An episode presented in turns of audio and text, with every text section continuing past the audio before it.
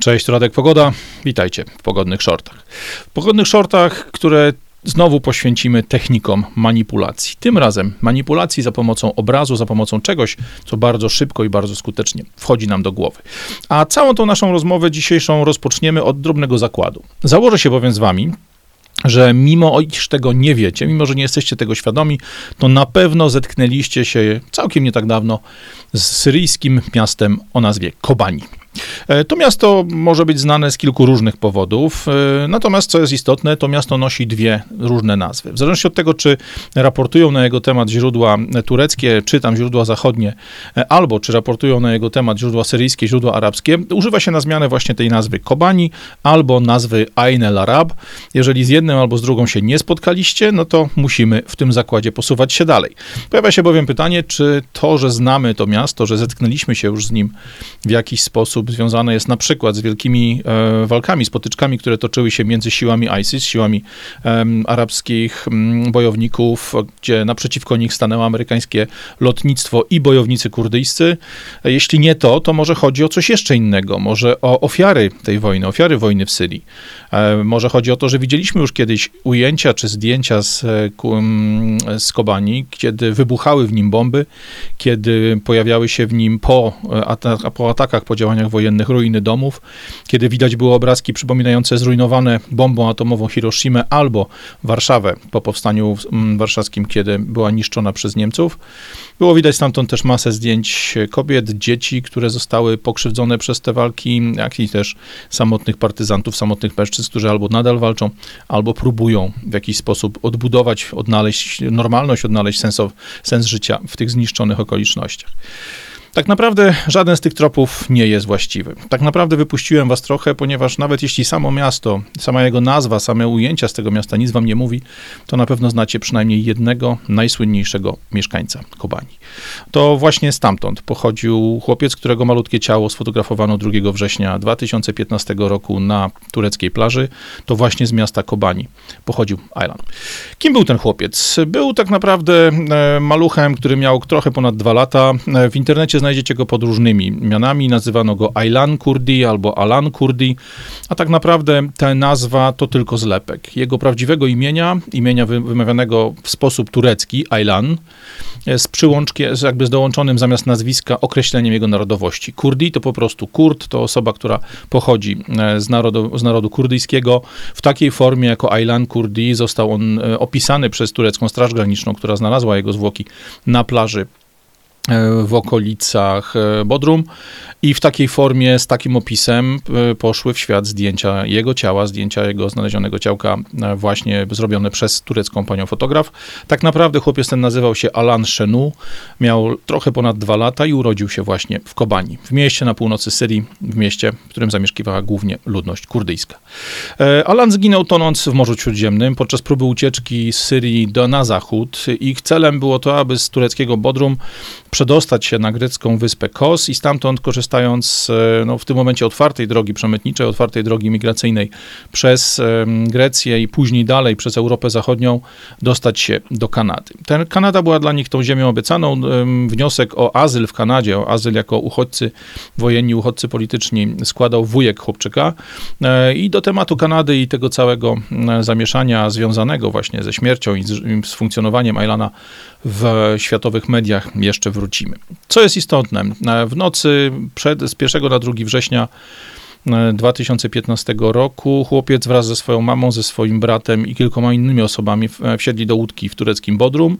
Celem ich było to, aby przedostać się przez zaledwie 4-kilometrowej długości przesmyk między właśnie Turcją a grecką wyspą Kos, wyspą, na którą wielu z nas z polskich biur podróży jeździ. Ja sam tam z moją rodziną byłem, oglądałem wulkany, oglądałem piękne rzeczy, które dzieją się dookoła. Ta wyspa Kos była celem migrantów, celem tej małej łodzi, która w nocy z 1 na 2 września wypłynęła gdzieś z małej zatoczki w okolicach Bodrum. Mimo tego, że do pokonania były tylko 4 km, łódź, która przeznaczona była dla 8 osób, a w której siedziało tych osób aż 16, wywróciła się w wyniku tego, tego, tej wywrotki, w wyniku zalania łodzi przez falę. E, wszyscy płynący nią ludzie wypadli do wody e, i nad ranem w kompletnych ciemnościach po prostu potopili się. Efekt jest taki, że koło godziny 5.36, 6.30 na turecki brzeg morze zaczęło wyrzucać ich ciała, zaczęło wyrzucać po prostu zwłoki ludzi, którzy w tej katastrofie katastrofie zginęły. Za samą możliwość ucieczki, e, za przemycenie czterech osób z Syrii, czy właściwie z terytorium Turcji dalej do Europy, ojciec chłopaka zapłacił prawie 6 tysięcy dolarów. E, te pieniądze przyjęli przemytnicy, którzy przewozili ludzi masowo w tym tamtym czasie do Europy, zresztą nadal to robią. E, I mimo tego, że ta opłata, wyprawa została sowicie opłacona. Patrząc na poziom dochodów ludzi z tamtych rejonów świata, to są pieniądze, które naprawdę są ogromne. Okazało się, że ta podróż okazała się nieskuteczna. Wraz z Alanem zginęła jego mama, wraz z Alanem zginął jego brat. Zginęło też reszta ludzi, którzy siedzieli w tej łodzi. E, zdjęcia ciała chłopca, tak naprawdę kilka zdjęć, e, wykonała turecka pani fotograf Nilüfer Demil i zdjęcia to poszły w świat. No to oczywiście pojawia się pytanie, ok, jaki może być wpływ jednego zdjęcia, bo tak naprawdę wszystko to, co wiemy na temat Alana, na temat całej tej sytuacji, która rozegrała się wtedy 2 września 2015 roku na greckiej, pomiędzy Grecją a Turcją, o wszystkim tym dowiadujemy się de facto z jednego zdjęcia. E, I to jedno zdjęcie może wydawać się czymś zupełnie nieistotnym. No bo przecież jeśli popatrzymy sobie na nasze codzienne życie, jeśli popatrzymy sobie na nasze codzienne funkcjonowanie, to tak naprawdę każdy z nas, każdy z nas ogląda codziennie tych zdjęć setki. Zdjęć najróżniejszych, zarówno w materiałach prasowych, jak i w telewizji, jak i w internecie. Tych zdjęć jest ogromna masa. E, wiele osób, które bada aktywność ludzi w internecie, twierdzi, że tak naprawdę ludzie, którzy korzystają z Instagrama, którzy korzystają z mediów społecznościowych bardzo różnych, potrafią w ciągu jednego dnia obejrzeć nawet grubo ponad tysiąc zdjęć. Zdjęć najróżniejszych, od reklamowych, przez takie fotki właśnie, które na Instagramie umieszczamy na swój własny temat, aż po bardzo skutecznie, bardzo sprawnie, bardzo dokładnie i wnikliwie przygotowane zdjęcia polityczne, zdjęcia związane właśnie z promocją pewnych produktów, pewnych działań czy pewnych ruchów. Prawda jest taka, że zdjęcie zdjęciu nierówne i żeby to wszystko ocenić, przyjrzymy się kilku z nich, kilku z tych fotek, które się zapisały w historii świata. Są takie zdjęcia, które stały się jakby nierozrywalnie związane z fotografowaną osobą. No to oczywiście mówimy głównie o ludziach bardzo znanych i takim doskonałym przykładem będzie Albert Einstein, którego słynne zdjęcie z wystawionym jęzorem jest czymś, co charakteryzuje tego człowieka i tak naprawdę opowiada jakąś historię, której do końca nie znamy. Po prostu przyjęło się, że to zdjęcie Einsteina z wystawionym językiem to jest to coś, co fantastycznie charakteryzuje jego, jego postać i mimo tego, że był to facet na wskroś poważny i zrobił wielkie rzeczy dla światowej nauki, to właśnie to zdjęcie z wystawionym językiem najczęściej pamiętamy, najczęściej kojarzymy właśnie z osobą Alberta Einsteina. Kolejnym zdjęciem tego typu, zdjęciem, które się nierozerwalnie wiąże z fotografowaną osobą jest oczywiście zdjęcie Marilyn Monroe z kiecką podwiewaną do góry przez strumień powietrza, który uderza w górę przez kraty wentylacyjne metra, no, a gdzieś tam pewnie pod spodem przejeżdżał pociąg i ten podmuch wiatru podniósł jej sukienkę. Podobnie istotnym zdjęciem, szczególnie dla tych ludzi, którzy siedzą w historii sportu, którzy interesowali się e, sportem w latach 70., 80., było zdjęcie Muhammada Ali, który stoi taki pełen energii, pełen siły, pełen zwycięstwa nad pokonanym, leżącym na ziemi przeciwnikiem. Istotne też i zapamiętane dla nas, czy łatwe do zapamiętania dla nas jest na przykład zdjęcie Beatlesów, którzy przechodzą przez przejście dla pieszych przy Abbey Road w Londynie. Zdjęcie, które stało się nie tylko okładką płyty, ale stało się też pewnego rodzaju symbolem, pewnego rodzaju właśnie takim znakiem rozpoznawczym, czymś, co natychmiast kojarzymy, jeśli chodzi o kulturę masową. Ale zdjęcia to nie tylko ludzie, zdjęcia to również, czy tam pojedyncze osoby, zdjęcia to są również sytuacje. To są sytuacje, które potrafimy dzięki takiemu jednemu ujęciu, dzięki takiej jednej sekundzie, czy ułamku sekundy zamkniętym w klatce, tej klatce czasu, w tej klatce ramek e, właśnie fotografii, potrafimy bezbłędnie przypisać do momentu w czasie. Takim zdjęciem bardzo słynnym, czy jednym z najsłynniejszych jest, e, jest owo ujęcie robotników, którzy zażywają odpoczynku w czasie przerwy przy budowie wieżowca na Manhattanie. Tą fotkę momentalnie kojarzymy z latami dwudziestymi, z początkiem wieku, e, wieku XX właśnie w Stanach Zjednoczonych, z tym boomem gospodarczym, z tym momentem, kiedy Stany rozwijały się najmocniej tuż przed wielkim kryzysem. Podobnie istotnym zdjęciem jest ciut późniejsze e, fotografia płonącego sterowca Hindenburg. Ta katastrofa Hindenburga również miała miejsce w Nowym Jorku, czy tam pod Nowym Jorkiem, ona była tak naprawdę gwoździem do trumny dla całej technologii sterowców. Stały się z czegoś, co miało być wielkim hitem, czymś, co kompletnie praktycznie zniknęło ze świata. Natomiast sama tragedia, sama widowiskowość tego ujęcia, ogrom płomieni, ogrom samego latającego statku powietrznego był tak duży, że to zdjęcie zostało nam w pamięci.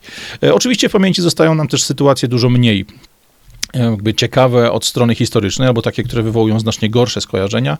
I tu doskonałym przykładem może być choćby zdjęcie e, świty wraz z Hitlerem spacerujących po podbitym, prawie bez jednego wystrzału Paryżu. Zdjęcie tego człowieka na tle wieży Eiffla było takim dokumentem, było tym udokumentowaniem tego, że jego idea, jego partia, jego wyznawcy są absolutnie na fali, e, przechodzą przez Europę jak nóż przez masło i robią co tylko sobie życzą, dopóki nie potknęli się na kanale La Manche. Ostatnim z elementów, który chciałem tutaj pokazać właśnie w tej kategorii zdjęć, które pokazują nam pewien czas, pokazują nam pewien moment w historii ludzkości, jest oczywiście zdjęcie z Księżyca, zdjęcie amerykańskich astronautów, które na tym Księżycu zostało podobno zrobione. E, tu oczywiście nie mówimy o tym, która to dokładnie misja, który to dokładnie kosmonauta, czy tam astronauta. Po prostu jednym, jednym strzałem, jednym rzutem oka możemy stwierdzić, ok, mamy człowieka na Księżycu, mamy astronauta amerykańskiego na Księżycu. Wiemy więc, że mówimy o początku lat 70., mówimy o tej epoce, kiedy świat mocno się rozwijał, kiedy świat uznawał, że nie ma żadnych granic, aż do pierwszego kryzysu naftowego w roku 73 i później w następnych. Ten moment tego szalonego wzrostu, ten moment tego szalonego rozwoju był czymś, co skojarzymy właśnie z wyprawami na Księżyc, wyprawami Apollo. Oczywiście zdjęcie może być również symbolem pewnego, pewnej sprawy, pewnego wydarzenia, pewnego jakby zdarzenia historycznego, które miało ogromne następstwa dla ludzkości albo ogromne następstwa dla tego rejonu, w którym się wydarzyło. I tu przykładem takiej fotografii na pewno jest zdjęcie z upadku, czy tam z momentu, kiedy pojawiają się na demonstracje wokół muru berlińskiego, rok 89, Berlin Zachodni, a tak naprawdę mur, który dzieli Berlin Wschodni od zachodniego. Natomiast tu w parze fajnie jest postawić również zdjęcie wcześniejsze o 44 lata, zdjęcie pokazujące radzieckiego żołnierza, który wiesza na bramie brandenburskiej w centrum Berlina, w centrum pokonanej stolicy e, niemieckiego imperium, wiesza swoją flagę, co oznacza koniec II wojny światowej. Tu zresztą mamy bardzo ciekawy przykład czegoś, co jest dość charakterystyczne dla naszej cywilizacji, dla cywilizacji, która przez całe wieki funkcjonowała równolegle, to znaczy różne części świata miały swoją historię, różne części świata nie miksowały się ze sobą, nawet jeśli utrzymywały ze sobą kontakty handlowe czy różnego rodzaju inne kontakty, głównie wojenne, to tak naprawdę te ścieżki historii, te ścieżki i opowieści historycznej toczyły się w dużym stopniu oddzielnie, tylko stykały się przy jakichś bitwach, stykały się przy jakichś zdarzeniach. Tutaj za koniec II wojny światowej to jest świetny przykład właśnie na taką sytuację, bo jeśli popatrzymy sobie na Europę, to praktycznie niezależnie od tego, o którym kraju europejskim mówimy, to właśnie zdjęcie, zdjęcie żo ruskiego żołnierza, który zatyka flagę e, Związku Radzieckiego na szczycie bramy brandenburskiej, dla większości ludzi w Europie uznawane jest za taki symbol końca II wojny światowej. Po tym dniu, po tym fakcie wszystko zaczęło wracać do normy. Niektórzy poszli znacząco do przodu, no bo byli po tej zachodniej stronie e, żelaznej kurtyny. Niektórzy mieli dopiero początek problemów, bo przed nimi było kilkadziesiąt lat ruskiej okupacji wprost albo po cichu. Tak naprawdę te, to jedno zdjęcie, to jedno ujęcie jednego rosyjskiego żołnierza, czy tam radzieckiego żołnierza sprawia, że wszyscy w Europie myślimy, ok, to jest moment końca II wojny światowej. Natomiast jeśli spojrzymy sobie na Stany Zjednoczone, to tam sytuacja już nie jest taka oczywista, bo tak naprawdę zdjęcie, zdjęcia opisujące koniec II wojny światowej są aż dwa. Pierwszym z nich jest ujęcie, które pokazuje amerykańskich Marines, które, którzy po zdobyciu wyspy Iwo Jima e, umieszczają amerykańską flagę na szczycie najwyższej góry na tej wysepce. E, I to jest ważne. To jest zdjęcie, które tak naprawdę nie jest ostatnim akordem, ostatnią nutą II wojny światowej dla Amerykanów, bo zrobione zostało po zdobyciu Iwo Jimy. Zrobione zostało w lutym roku 1945, o ponad pół roku wcześniej, niż faktycznie doszło do zakończenia wojny. Natomiast to właśnie to zdjęcie, zdjęcie Marines, które, którzy podnoszą amerykańską flagę na zdobytej wyspie, e, sprawia, że to ono było przekazem pokazującym zwycięstwo, pokazującą szansę tego, że Japonię da się pokonać. To ono zachęcało do dalszej walki, do dalszych poświęceń, to ono sprawiało, że ludzie garnęli się do armii, żeby na tym Pacyfiku z Japończykami walczyć. To ono sprawiało, że moc miała wojenna propaganda, że to rząd amerykański, że to amerykańscy oficerowie byli wysłuchiwani przez naród, byli tak naprawdę przez ten naród prowadzony. I raz jeszcze, to był luty. Do kapitulacji Japonii dopiero doszło, do, doszło dopiero 2 września, po wybuchu bomb atomowych, e, czy tam bomb nuklearnych w Hiroshimie i Nagasaki. I mimo tego, że to bomby atomowe e, domknęły historię, to bomby atomowe doprowadziły do tego, że cesarz, cesarz Hirohito podjął decyzję o kapitulacji bezwarunkowej Japonii wobec Stanów Zjednoczonych, to nie zdjęcia grzybów atomowych są symbolem zakończenia II wojny światowej, a właśnie żołnierze podnoszący flagę na Iwo Jimie. I co jest istotne, gdybyśmy popatrzyli sobie na historię, pobawili się troszeczkę w takie gdybanie, pojawia się pytanie, co by było, gdyby Amerykanie zrzucili nie jedną, nie dwie, a wszystkie trzy bomby atomowe, które dla Japonii mieli przygotowane. Nie wiem, czy wiecie, ale Amerykanie tak naprawdę od początku zakładali, że powinna na, do pokonania Japonii powinna wystarczyć jedna bomba atomowa, ale na wszelki wypadek przygotowali aż trzy. I teraz, gdy 7 sierpnia na Hiroshima spadła pierwsza bomba atomowa, e, japońskie dowództwo przyjęło to jako duży szok, jako duży mm, znak tego, że Amerykanie mają ogromną siłę, mają ogromną przewagę. Natomiast e, myśleli, że Amerykanie mają tylko jedną bombę atomową, mają tylko jedno urządzenie o takiej skali niszczenia. No, gdy te informacje dotarły do amerykańskiego wywiadu, podjęta została decyzja, że trzeba Japończykom pokazać, że nie żartujemy i pojawił się hasło, ok, zrzucamy bombę numer dwa. Ta bomba miała spaść nie na Nagasaki, a na miasto położone trochę dalej na wschód, na miasto Kokura e, i to miasto Kokura było głównym celem, natomiast akurat wtedy, w czasie lotu z bombą atomową, nad miastem zalegały tak duże, tak gruba pokrywa chmur, że celownicze amerykańskich bombowców nie byli w stanie dobrze, sensownie celo, jakby wycelować i zrzucić tą bombę we właściwe miejsce w mieście, dlatego podjęto decyzję, że zamiast na Kokurę samolot zawróci, poleci na południe i zrzuci tę bombę na miasto Nagasaki. Tak naprawdę jednak e, plan zniszczenia Kokury dalej był w grze, bo gdyby japońskie dowództwo nie podjęło rozmów negocjacyjnych, jakby rozmów o poddaniu się, gdyby nie nastąpiły natychmiast działania dyplomatyczne i działania związane z tym, aby rozmawiać na temat kapitulacji, to zaplanowane na 18 lub 19 sierpnia, czyli zaledwie kilka dni po zrzuceniu bomby na Hiroshima i Nagasaki, było zrzucenie trzeciej bomby na Kokurę. Może jest tak, że gdybyśmy mieli trzy różne grzyby atomowe z Japonii, to właśnie te trzy grzyby atomowe byłyby symbolem końca wojny dla Amerykanów, taka trujeczka, taki zestawik, bo w końcu bok trojciu lubić, jak to mówią Rosjanie, albo to, że ludzie lubią, kiedy pewnych rzeczy są 3, 5 albo 10, bo tak nam się łatwiej liczy. Ale mniejsza o to. Mamy tak naprawdę sytuację, w której dla Amerykanów e, koniec wojny obwieszczają dwa zdjęcia. Pierwszym z nich jest to właśnie pokazujące żołnierzy na Iwo Jimie, a drugim, drugim jest zdjęcie żołnierza, który podczas parady zwycięstwa w Nowym Jorku nad Times Square całuje jakąś przygodną dziewczynę, wyrwaną gdzieś tam z tłumu, spotkaną gdzieś podczas tej parady zwycięstwa. To te dwa zdjęcia pokazują, że wojna jest wygrana albo że wojna jest skończona. Tak naprawdę to one są dla Amerykanów najważniejsze. U nas w Europie wystarczył jeden rosyjski czy tam radziecki żołnierz, który wtyka flagę e, w bramę brandenburską.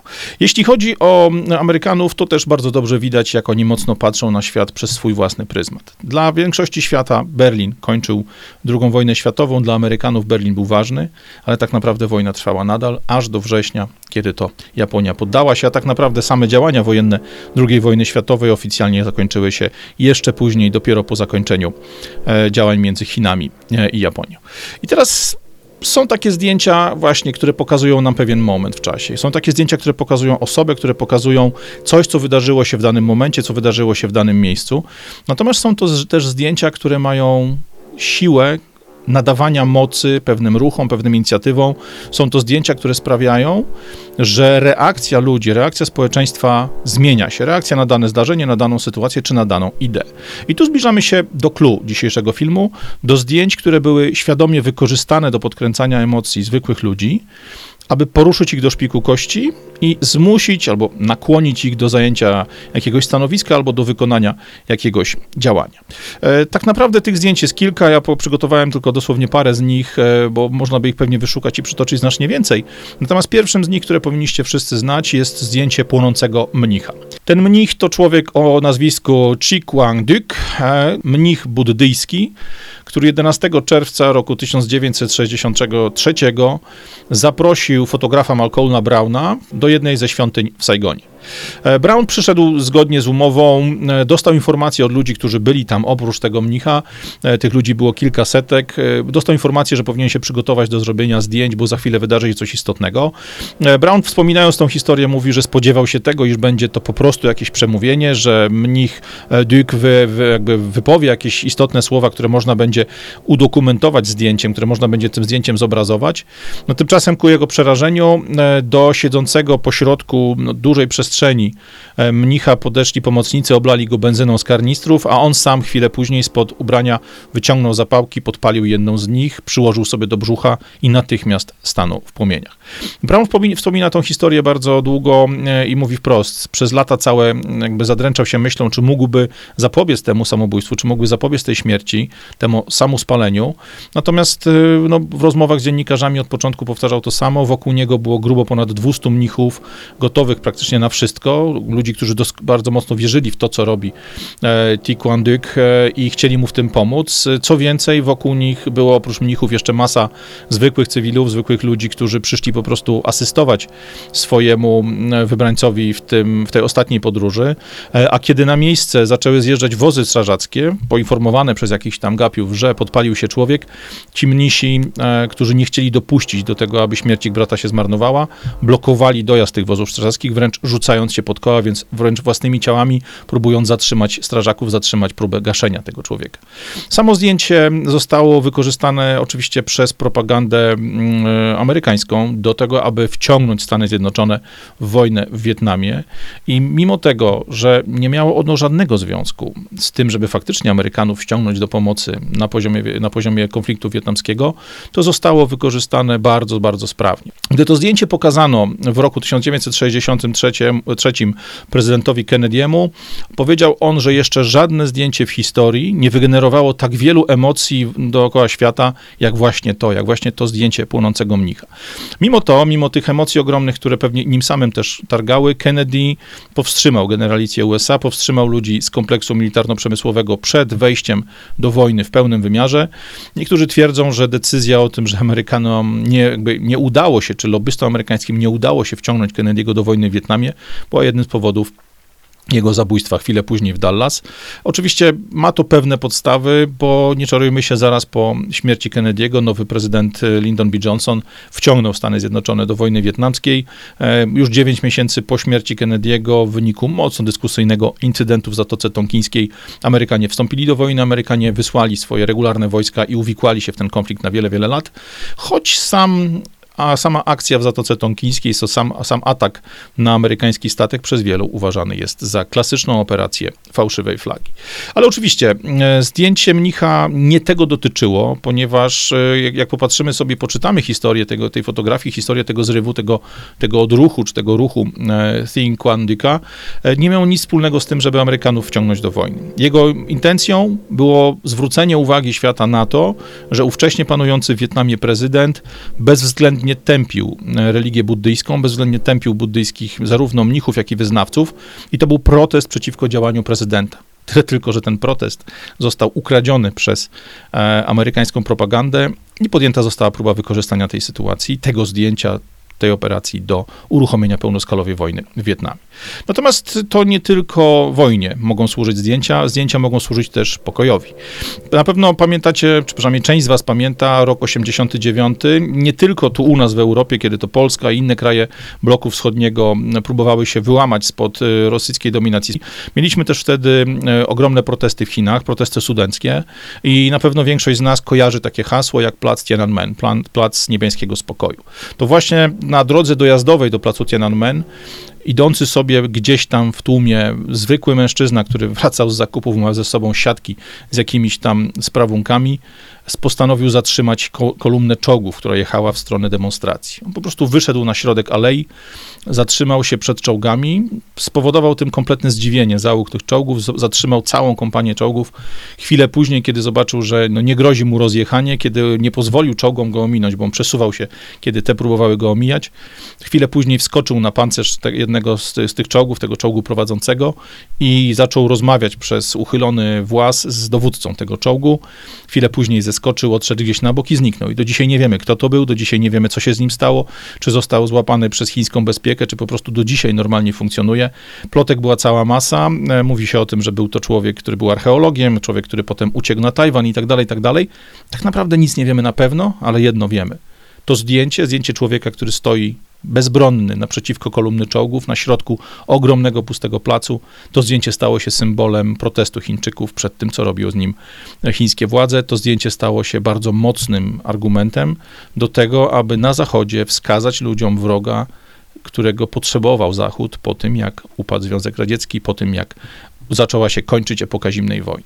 Oczywiście e, takie zdjęcia związane z jakimś ruchem, z jakąś pracą, tych zdjęć jest znacznie, znacznie więcej. Mamy tu na przykład zdjęcie dziewczynki przy Krosnach, przy takiej maszynie dziewiarskiej. To zdjęcie zostało wyko wykorzystane i było bardzo mocno promowane przez ruchy, które walczyły z tym, aby dzieci nie musiały pracować. To dzięki właśnie takim akcjom e, uznano status dzieci jako osób, które no, mają być utrzymane jak najdalej od pracy fizycznej, dopóki e, nie osiągną dorosłości.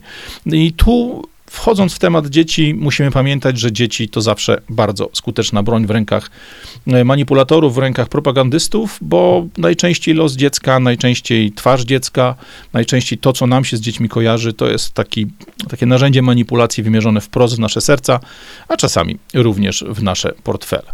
I tu oczywiście jest kilka takich mocnych przykładów, kilka mocnych czy pamiętnych zdjęć dzieci, które zostaną, zostały wykorzystane do nakręcenia emocji i generowania działań, jak jakie zaprogramowali, zaprogramowali, przepraszam, propagandyści. Naprawdę tych zdjęć było bardzo, bardzo wiele.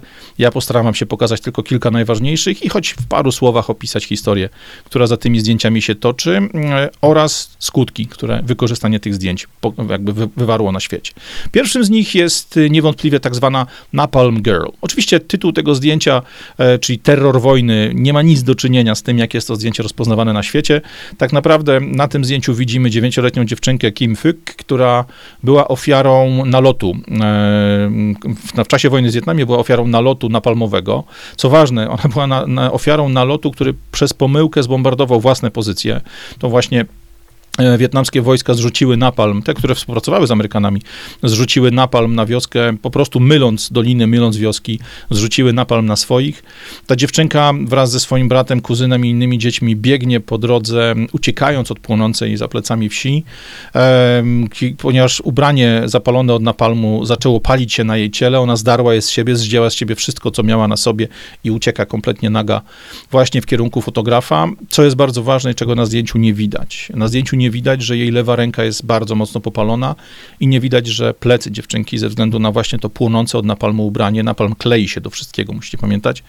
Ona zrywając z siebie ubranie płonące, zerwała z siebie również części skóry. Jej, na jej plecach masa skóry została przepalona, została uszkodzona i ściągając to płonące ubranie, zerwała z siebie również część spalonej skóry z pleców.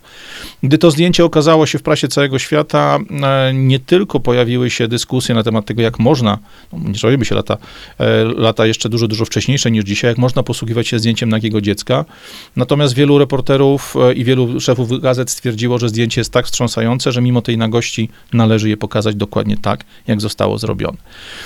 Po tym zdjęciu natychmiast rozpoczęły się antywojenne protesty w Japonii, w Londynie, w Paryżu, w wielu, wielu miastach Stanów Zjednoczonych. Okazało się, że jedno zdjęcie dziecka silnie oddziaływuje na psychikę ludzi, silnie oddziaływuje na emocje. Od setek czy wręcz tysięcy zdjęć i nagrań zniszczonych wiosek, martwych ludzi, płonących domów, ruin, które zostają po działaniach strony amerykańskiej czy strony e, Wietkongu. Okazało się, że ta jedna dziecko, ta jedna dziewczynka była, była w stanie wywołać protesty, była w stanie wywołać odruch w amerykańskich obywatelach, którego nie osiągnęły przez wiele, wiele lat amerykańska telewizja i gazety, które takimi obrazkami na co dzień po prostu epatowały. Tu jeszcze właściwie jedna rzecz, którą można, można dodać. Zobaczcie, mamy dwa zdjęcia pojedynczej osoby. Jedno, którym wywołano, czy ułatwiono wywołanie wojny w Wietnamie, drugie, które przyczyniło się do tego, aby tę wojnę skończyć, aby uruchomić w Stanach Zjednoczonych wielkie protesty przeciwko właśnie kontynuowaniu wojny w Wietnamie. Jedno zdjęcie jednego człowieka może zdziałać bardzo dużo. Tu kolejnym przykładem fantastycznym jest zdjęcie, które ma wiele, wiele nazw, jak ja je nazywam oczy Afganki. E, tak naprawdę to też podobna sytuacja jak z tą naszą Napalm Girl, e, bo podczas dziewięciu lat radzieckiej agresji na Afganistan zginęło grubo ponad półtora miliona ludzi. Masę e, obywateli afgańskich, masę ludzi, którzy pochodzili z różnych republik, z różnych rejonów Związku Radzieckiego, którzy jako żołnierze zostali tam wysłani przez władze na Kremlu i ginęli. Natomiast y, mimo tego, że zginęło ponad półtora miliona ludzi, to zdjęcie tej jednej dziewczyny obiegło cały świat. Ta dziewczyna nazywa się Sharbat Gula e, i to jej przepasne oczy stały się symbolem wojny w Afganistanie, symbolem ofiar Afganistanu i stały się też symbolem tematu uchodźców. Co jest ważne, w momencie, kiedy to zdjęcie było robione, to był rok 85, w tym czasie, w chwili, kiedy zdjęcie było robione, wojna trwała już ponad 5 lat. I dopiero zdjęcie Szarbat sprawiło, że świat zwrócił uwagę na problem ludzi, którzy tam giną, ludzi, którzy zostają wypędzeni ze swoich domów, ludzie, których, których życie zamieniło się w pasmo kompletnych nieszczęść, pasmo absolutnego cierpienia, bo stali się oni uchodźcami wojennymi. Szarbat dożyła e, późnej starości, e, już e, kilkanaście lat po zakończeniu tego konfliktu została odnaleziona przez reporterów National Geographic, bo zdjęcie to było okładką National Geographic. Okazało się, że władze Afganistanu przyznały jej dom, ona tam razem ze swoimi dziećmi żyła do późnej starości i tak naprawdę dożyła do następnej wojny, tym razem wojny wywołanej przez drugą stronę, przez Amerykanów, którzy znowu jej kraj najechali, którzy znowu jej kraj rozpieprzali w drobny mak. Tak to niestety wygląda, że czasami ofiary, mimo tego, że są staną się sławne, że mimo tego, że nagłośnią swoją osobą czy swoim działaniem jakąś wielką sprawę, wcale nie są uchronione przed tym, żeby być po prostu um, ofiarami historii. Ostatnim zdjęciem, które w tej serii, e, czy właściwie w tym kawałku opowieści chcę wam pokazać, jest zdjęcie absolutnie wstrząsające, bo zdjęcie, które chyba najbardziej dobitnie, najbardziej twardo na świecie pokazuje problem głodu. Zdjęcie to zostało zrobione w roku 1992 w Sudanie. E, w Sudanie mieliśmy wtedy suszę, mieliśmy wtedy ogromną klęskę głodu. Zdjęcie wykonał e, w południowoameryk- południowoafrykański fotograf Kevin Carter. E, Carter opisuje tę sytuację w taki sposób, że kiedy przyleciał do owej wioski samolotem, który dowoził właśnie żywność, dowoził pomoc ONZ-owską do głodującego Sudanu i gdy wysiadł z samolotu, zaczął się rozglądać dookoła siebie, żeby jak, jak każdy fotoreporter znaleźć jakiś obiekt wart sfotografowania. Zobaczył małą dziewczynkę, która czołgała się w stronę, w stronę właśnie tego samolotu, w stronę tej żywności, która została przywieziona, e, ale nie miała sił, żeby posuwać się do przodu, więc zatrzymała się na chwilę, żeby nabrać choć odrobinkę sił.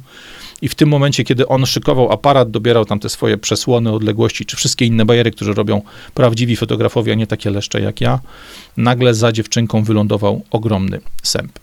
E, gdy zobaczył tego sępa, stwierdził, że to jest no, scena absolutnie wstrząsająca, wykonał zdjęcie i to zdjęcie poszło w świat. Tak naprawdę ta fotka wywołała ogromną pomoc dla Sudanu. To zdjęcie uruchomiło bardzo wielu ludzi na całym świecie.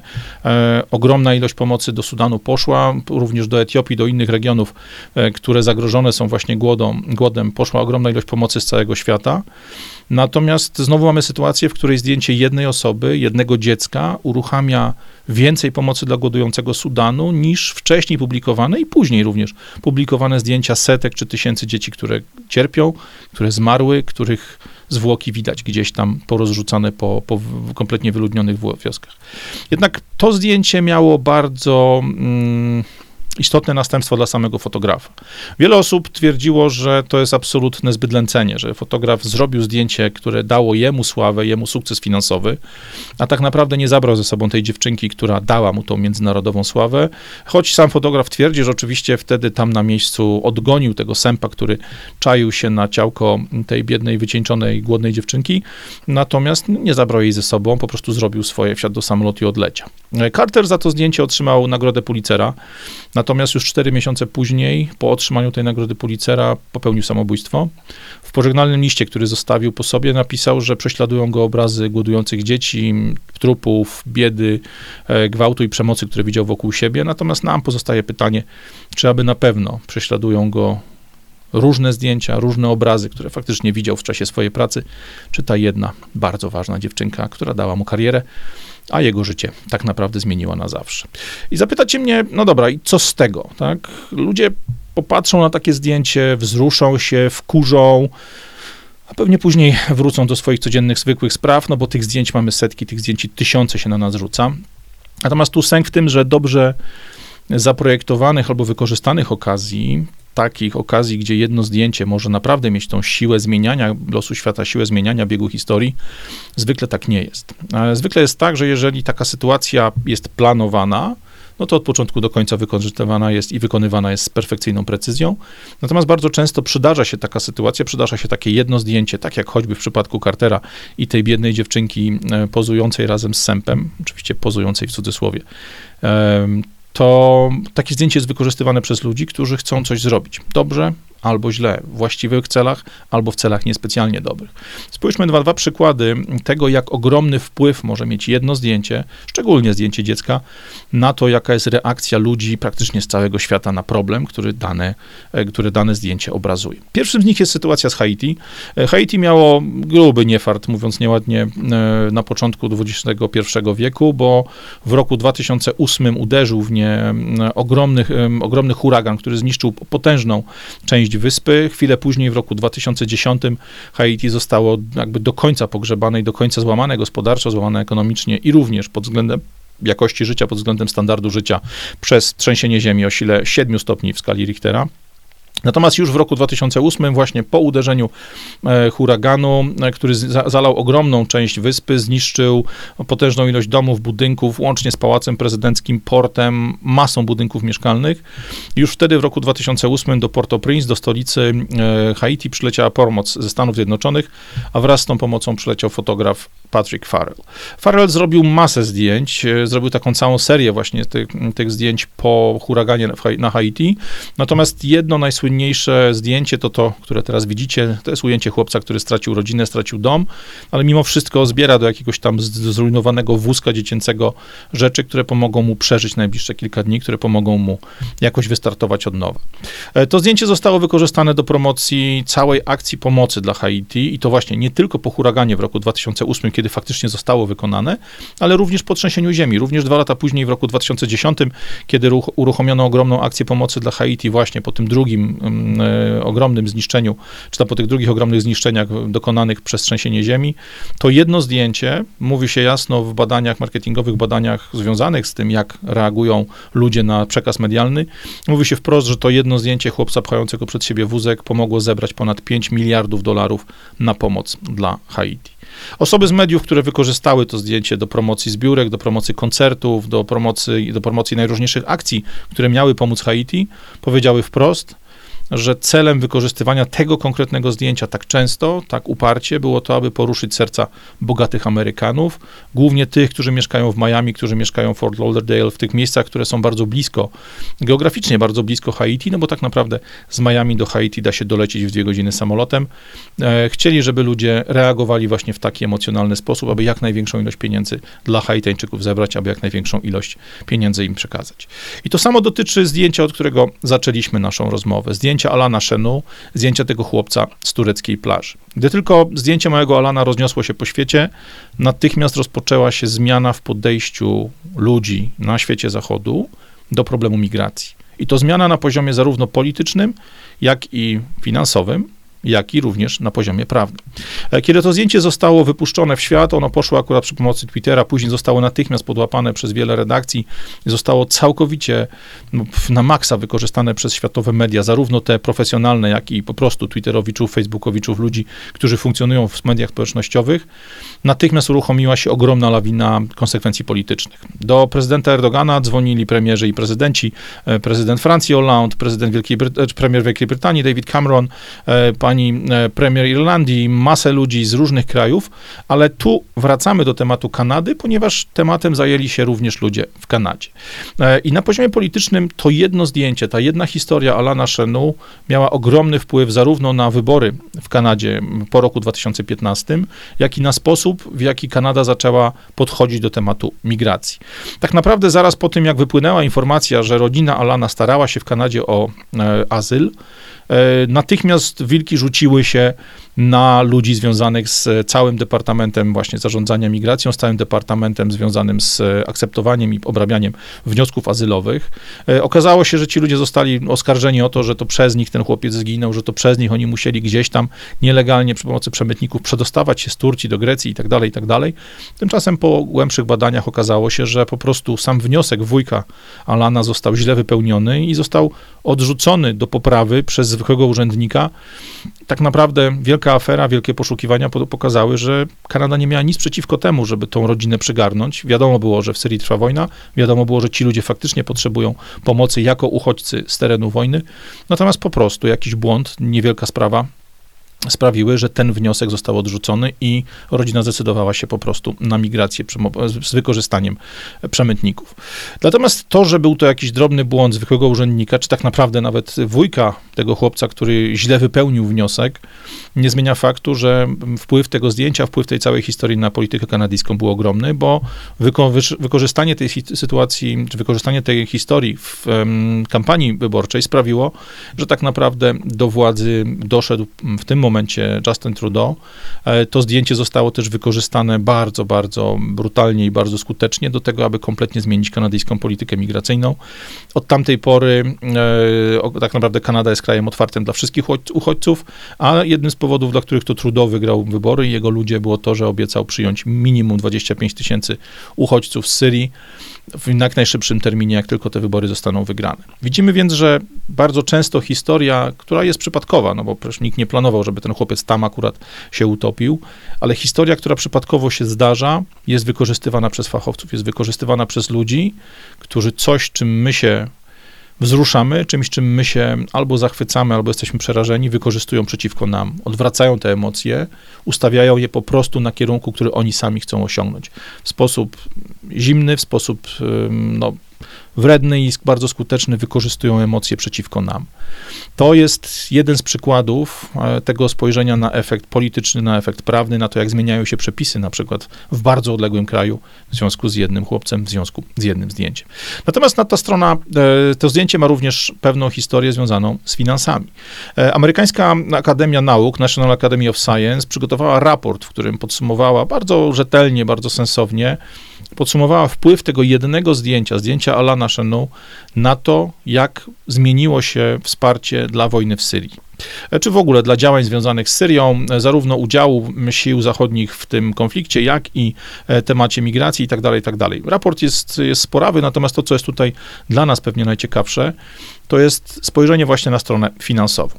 Nie zapominajmy, że w momencie, kiedy Alan utonął, Wojna w Syrii trwała już 5 lat i pochłonęła w międzyczasie setki tysięcy ofiar.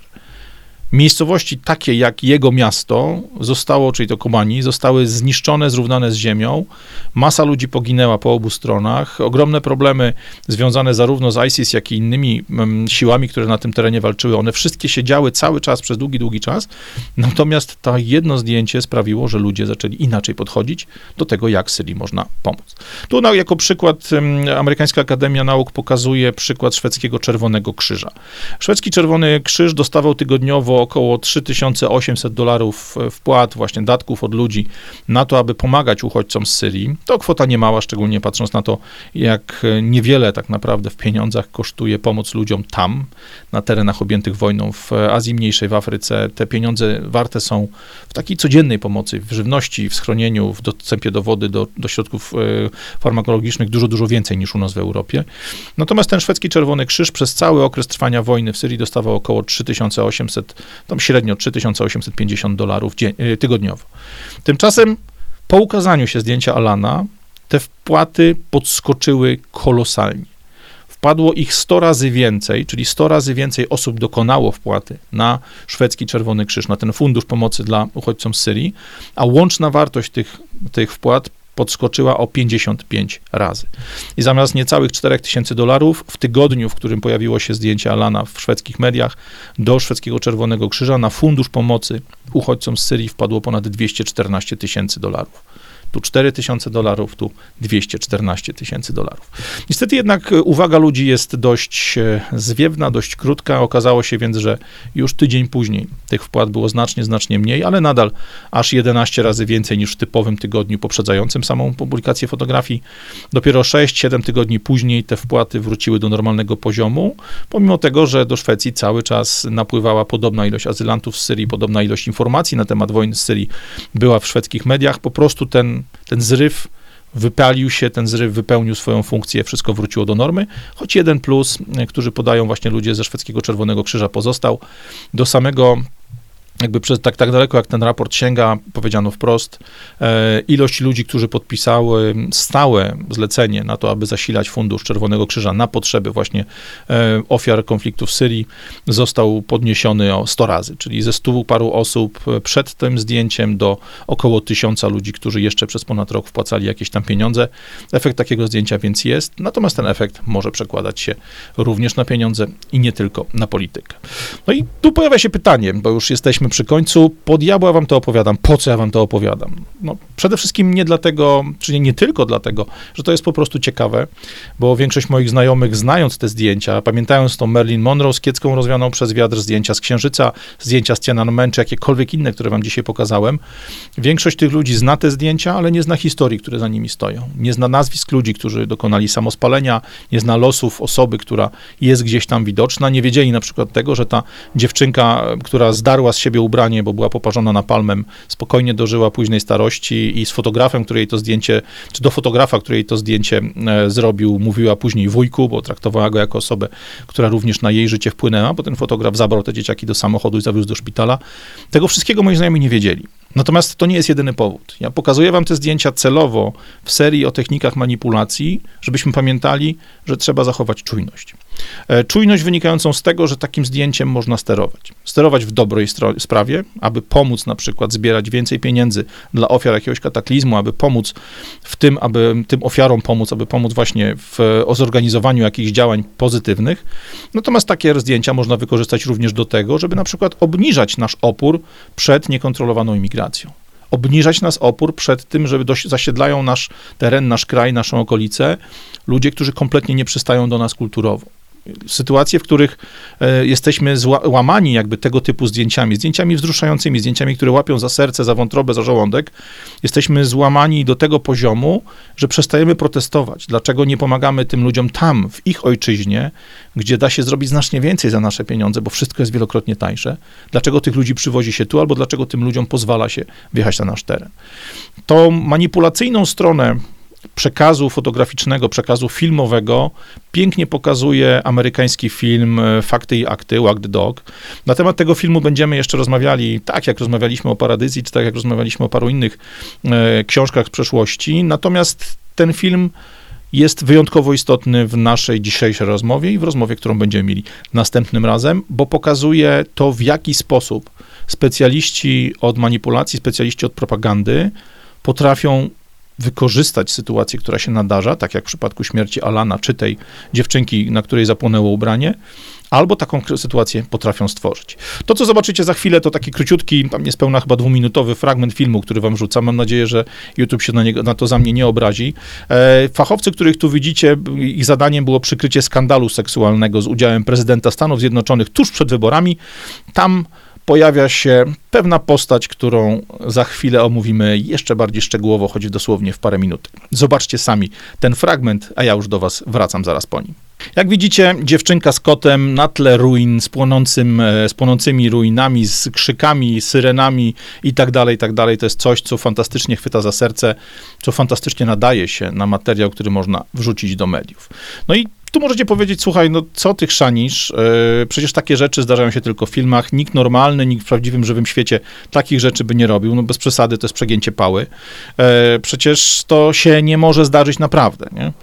A ja mówię, furda, to wszystko yy, i pokażę wam jedną akcję, na której zobaczymy, akcję medialną, w której zobaczymy zdjęcie dziecka z kotem, E, jeśli taka akcja powtórzy się, jeśli taką akcję zobaczycie ponownie, to zastanówcie się, co próbują nam sprzedać. Sprzedać w zamian za naszą uwagę, na przykład, żeby tak jak w przypadku tego filmu, schować jakąś historię, która im się bardzo nie podoba, albo sprzedać w zamian za nasze emocje, za nasze pieniądze, albo za nasze głosy w jakichś wyborach, za nasze głosy w jakimś głosowaniu.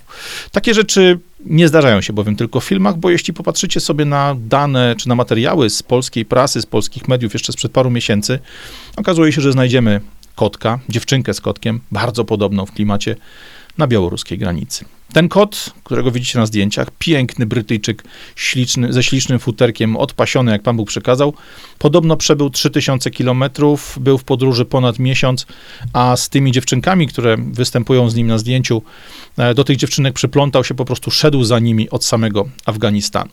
Do tego zdjęcia, do tej całej historii materiałów spod płotu e, przy białoruskiej granicy jeszcze wrócimy w najbliższym odcinku, bo to są sprawy, które, zobaczcie, dzieją się wokół nas, dzieją się tu i teraz.